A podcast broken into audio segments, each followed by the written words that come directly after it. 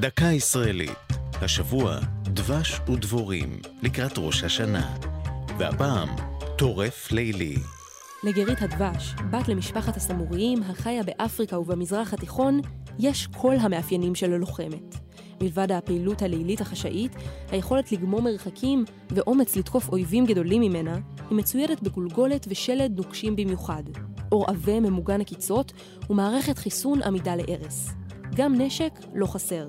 תפרים, כלומר ציפורניים וניבים רצחניים, וכל אלה, ביצור שאורכו כ-70 סנטימטר ומשקלו כ-10 קילוגרם. למראה הייחודי של הגירית מוסיפים גבה הבהיר ובטנה השחורה.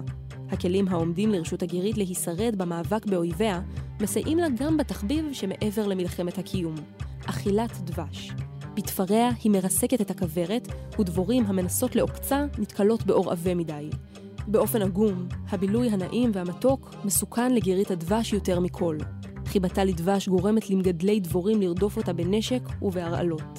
בארץ הביאה ציד, במקביל לפגיעה בבתי הגידול הטבעיים, לירידת מספר הגיריות, והן מוגדרות כמין בסכנת הכחדה חמורה. זו הייתה דקה ישראלית על דבש ודבורים וטורף לילי.